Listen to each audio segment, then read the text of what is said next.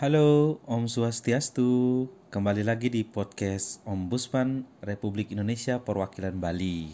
Nah, pada episode kali ini kita akan membahas tugas lain nih dari Ombudsman selain tentunya menerima dan memproses laporan dari pengaduan masyarakat nih, semeton. Ada yang tahu apa itu tugas lain yang diberikan oleh negara kepada Ombudsman? Ya, benar banget. Adanya survei kepatuhan dalam rangka mencegah perbuatan pemerintah maupun instansi layanan dalam melakukan tindakan maladministrasi. Pada episode kali ini kita akan mengulik seputar uh, bagaimana sih penilaian kepatuhan terhadap instansi pemerintahan di Provinsi Bali yang kebetulan nih belum lama ini Ombudsman RI Perwakilan Bali telah merampungkan penilaian terhadap 74 instansi dan lembaga negara yang tersebar di tentunya 9 kabupaten kota plus satu provinsi di Provinsi Bali tentunya Semeton. Ternyata banyak juga ya Semeton. Oke, pada kesempatan ini yuk kita simak penjelasan tentang apa sih survei kepatuhan yang telah dilaksanakan oleh Ombudsman Bali. Baik, sebelumnya uh, saya ucapkan selamat datang di podcast kita di podcast Ombudsman RI Perwakilan Bali. Kita lanjut. Seperti yang uh, sudah kita ketahui bersama bahwa Undang-Undang Nomor 37 Tahun 2008 tentang Ombudsman Republik Indonesia telah memberikan kewenangan kepada Ombudsman untuk mengawasi penyelenggaraan pelayanan publik di negeri ini. Subjek penyelenggaraan layanan yang menjadi objek pengawasan ombudsman itu antara lain meliputi pemerintah, badan usaha milik negara, badan usaha milik daerah, badan hukum milik negara maupun badan swasta nih semeton. Nah, badan swasta yang seperti apa? Badan swasta yang tentunya sebagian maupun seluruh dana yang mereka gunakan itu bersumber dari APBN atau APBD alias dari anggaran negara semeton.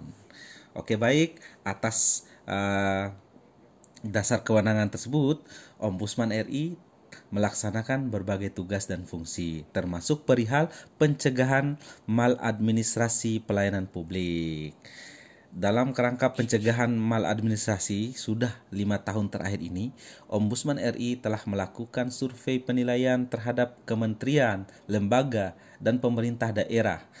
Nah, ini yang perlu diketahui teman-teman. Ternyata Ombudsman itu uh, bisa juga ya menilai, memberikan uh, penilaian terhadap sejauh mana instansi pemerintah itu memberikan pelayanan publik yang sudah uh, maksimal atau tidak kepada masyarakat. Nah, substansi dari survei kepatuhan di tahun ini berisi bagaimana set indikator yang diyakini bisa merekam dan menakar sejauh mana kepatuhan instansi pemerintah terhadap standar pelayanan publik sebagaimana diamanahkan oleh Undang-Undang Nomor 25 Tahun 2009 tentang pelayanan publik. Set indikator tersebut antara lain menyangkut standar proses layanan, jenis persyaratan, besaran biaya atau tarif, durasi waktu waktu, sarana dan prasarana. Tentunya ada juga pengelolaan dan uh, pejabat pengaduan dan sejauh mana semua itu terlihat pada dua media yaitu non elektronik maupun elektronik. Secara umum, kegiatan ini bertujuan untuk menelisik masalah, tantangan dan capaian pada arana sistem pelayanan publik di setiap instansi.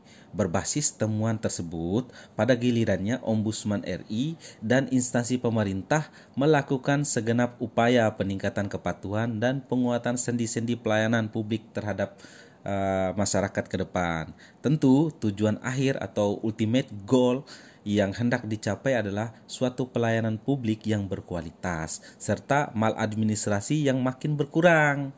Nah, harus diketahui juga korupsi itu terjadi karena berawal dari maladministrasi loh. Nah, makanya hati-hati semeton. Untuk itu, hanya dengan ini governance ataupun pemerintah bisa menjadi ekosistem pembangunan dan negara dalam Hal ini eh, pemerintah kian hadir dalam ikhtiar penciptaan kesejahteraan terhadap kehidupan bermasyarakat, berbangsa dan bernegara. Dalam teknis pengerjaan survei kepatuhan ini, Ombudsman memposisikan diri sebagai masyarakat pengguna layanan yang tentunya ingin mengetahui berbagai informasi layanan. Maka kegiatan di lapangan dilakukan tanpa pemberitahuan terlebih dahulu. Tapi kita di Provinsi Bali uh, pastilah memberitahukan dulu terkait apa yang harus dinilai, apakah mereka sudah memenuhi atau tidak. Kalaupun belum dipenuhi, tentunya Ombudsman dari Bali akan memberikan masukan untuk dilengkapi demi memperbaiki pelayanan-pelayanan dan mempermudah apa yang diinginkan oleh masyarakat. Oke, pada sisi lain, mengingat uh, pandemi COVID-19 ini masih melanda di beberapa daerah, sebagian kegiatan dilakukan secara virtual lewat platform digital yang tersedia, seperti uh, pencarian uh, web secara online dan juga pencarian pengaduan yang sudah terinput dalam sistem yang memang sudah dimiliki oleh masing-masing instansi pemerintah pemberi layanan. Nah, Penilaian pada tahun 2022 ini semeton perlu diketahui dilakukan secara serentak loh di seluruh Indonesia termasuk Bali. Dengan sebaran kita di Bali telah memeriksa 74 instansi dan lembaga negara dari 9 kota dan kabupaten dan plus satu provinsi. Kegiatan ini dilaksanakan sekitar uh, memakan waktu tiga bulan ya semeton. Kita mulai dari periode September hingga uh, November ini gitu dengan tim yang tentunya bergantian biar yang lainnya nggak capek gitu. Jadi ada tim yang sudah diberi tugas untuk kabupaten ini, kabupaten ini, ada tim-tim yang setelah dibagi.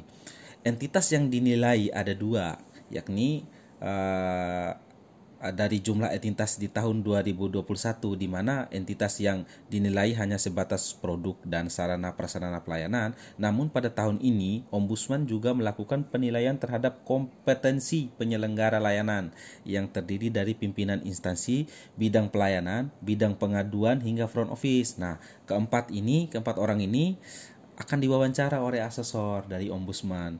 Sejauh mana sih mereka mengetahui atau untuk mengukur sejauh mana pemahaman penyelenggara pelayanan dalam memberikan pelayanan kepada masyarakat. Nah, pertanyaannya, kenapa survei kepatuhan ini penting dilakukan? Tentunya yang pertama karena rendahnya implementasi standar pelayanan mengakibatkan berbagai jenis maladministrasi di instansi pelayanan publik. Misalnya, ketidakjelasan prosedur, ketidakpastian jangka waktu layanan, pungutan liar, adanya korupsi, ketidakpastian layanan perizinan seperti investasi dan sebagainya, dan ada juga perilaku kesewenang-wenangan dari penyelenggara pelayanan publik. Jadi secara makro mengakibatkan rendahnya kualitas pelayanan publik semeton. Nah, yang kedua, yaitu mengakibatkan ekonomi biaya tinggi dan terhambatnya pertumbuhan investasi Nah, ini masalahnya. Makanya kenapa perlu adanya survei kepatuhan itu untuk mempermudah memberikan pelayanan terhadap masyarakat yang membutuhkan. Nah, kemudian yang ketiga adalah kepercayaan publik terhadap aparatur dan pemerintah justru makin menurun dan ini berpotensi mengarah pada apatisme publik. Jadi masyarakat masa bodoh dengan pelayanan yang semrawut, yang amburadul. Nah, menjaga dan meminimalisir hal-hal seperti itu sehingga dilakukanlah survei kepatuhan ini agar pemberi pelayanan bisa memenuhi segala unsur dan standar-standar pelayanan terhadap publik. Tujuannya yaitu untuk perbaikan peningkatan kualitas pelayanan publik, serta pencegahan maladministrasi melalui implementasi komponen standar pelayanan pada tiap unit pelayanan publik dengan maksud untuk mendorong kepatuhan terhadap standar pelayanan publik dalam rangka mempercepat peningkatan kualitas layanan publik. Nah, Begitu loh semeton.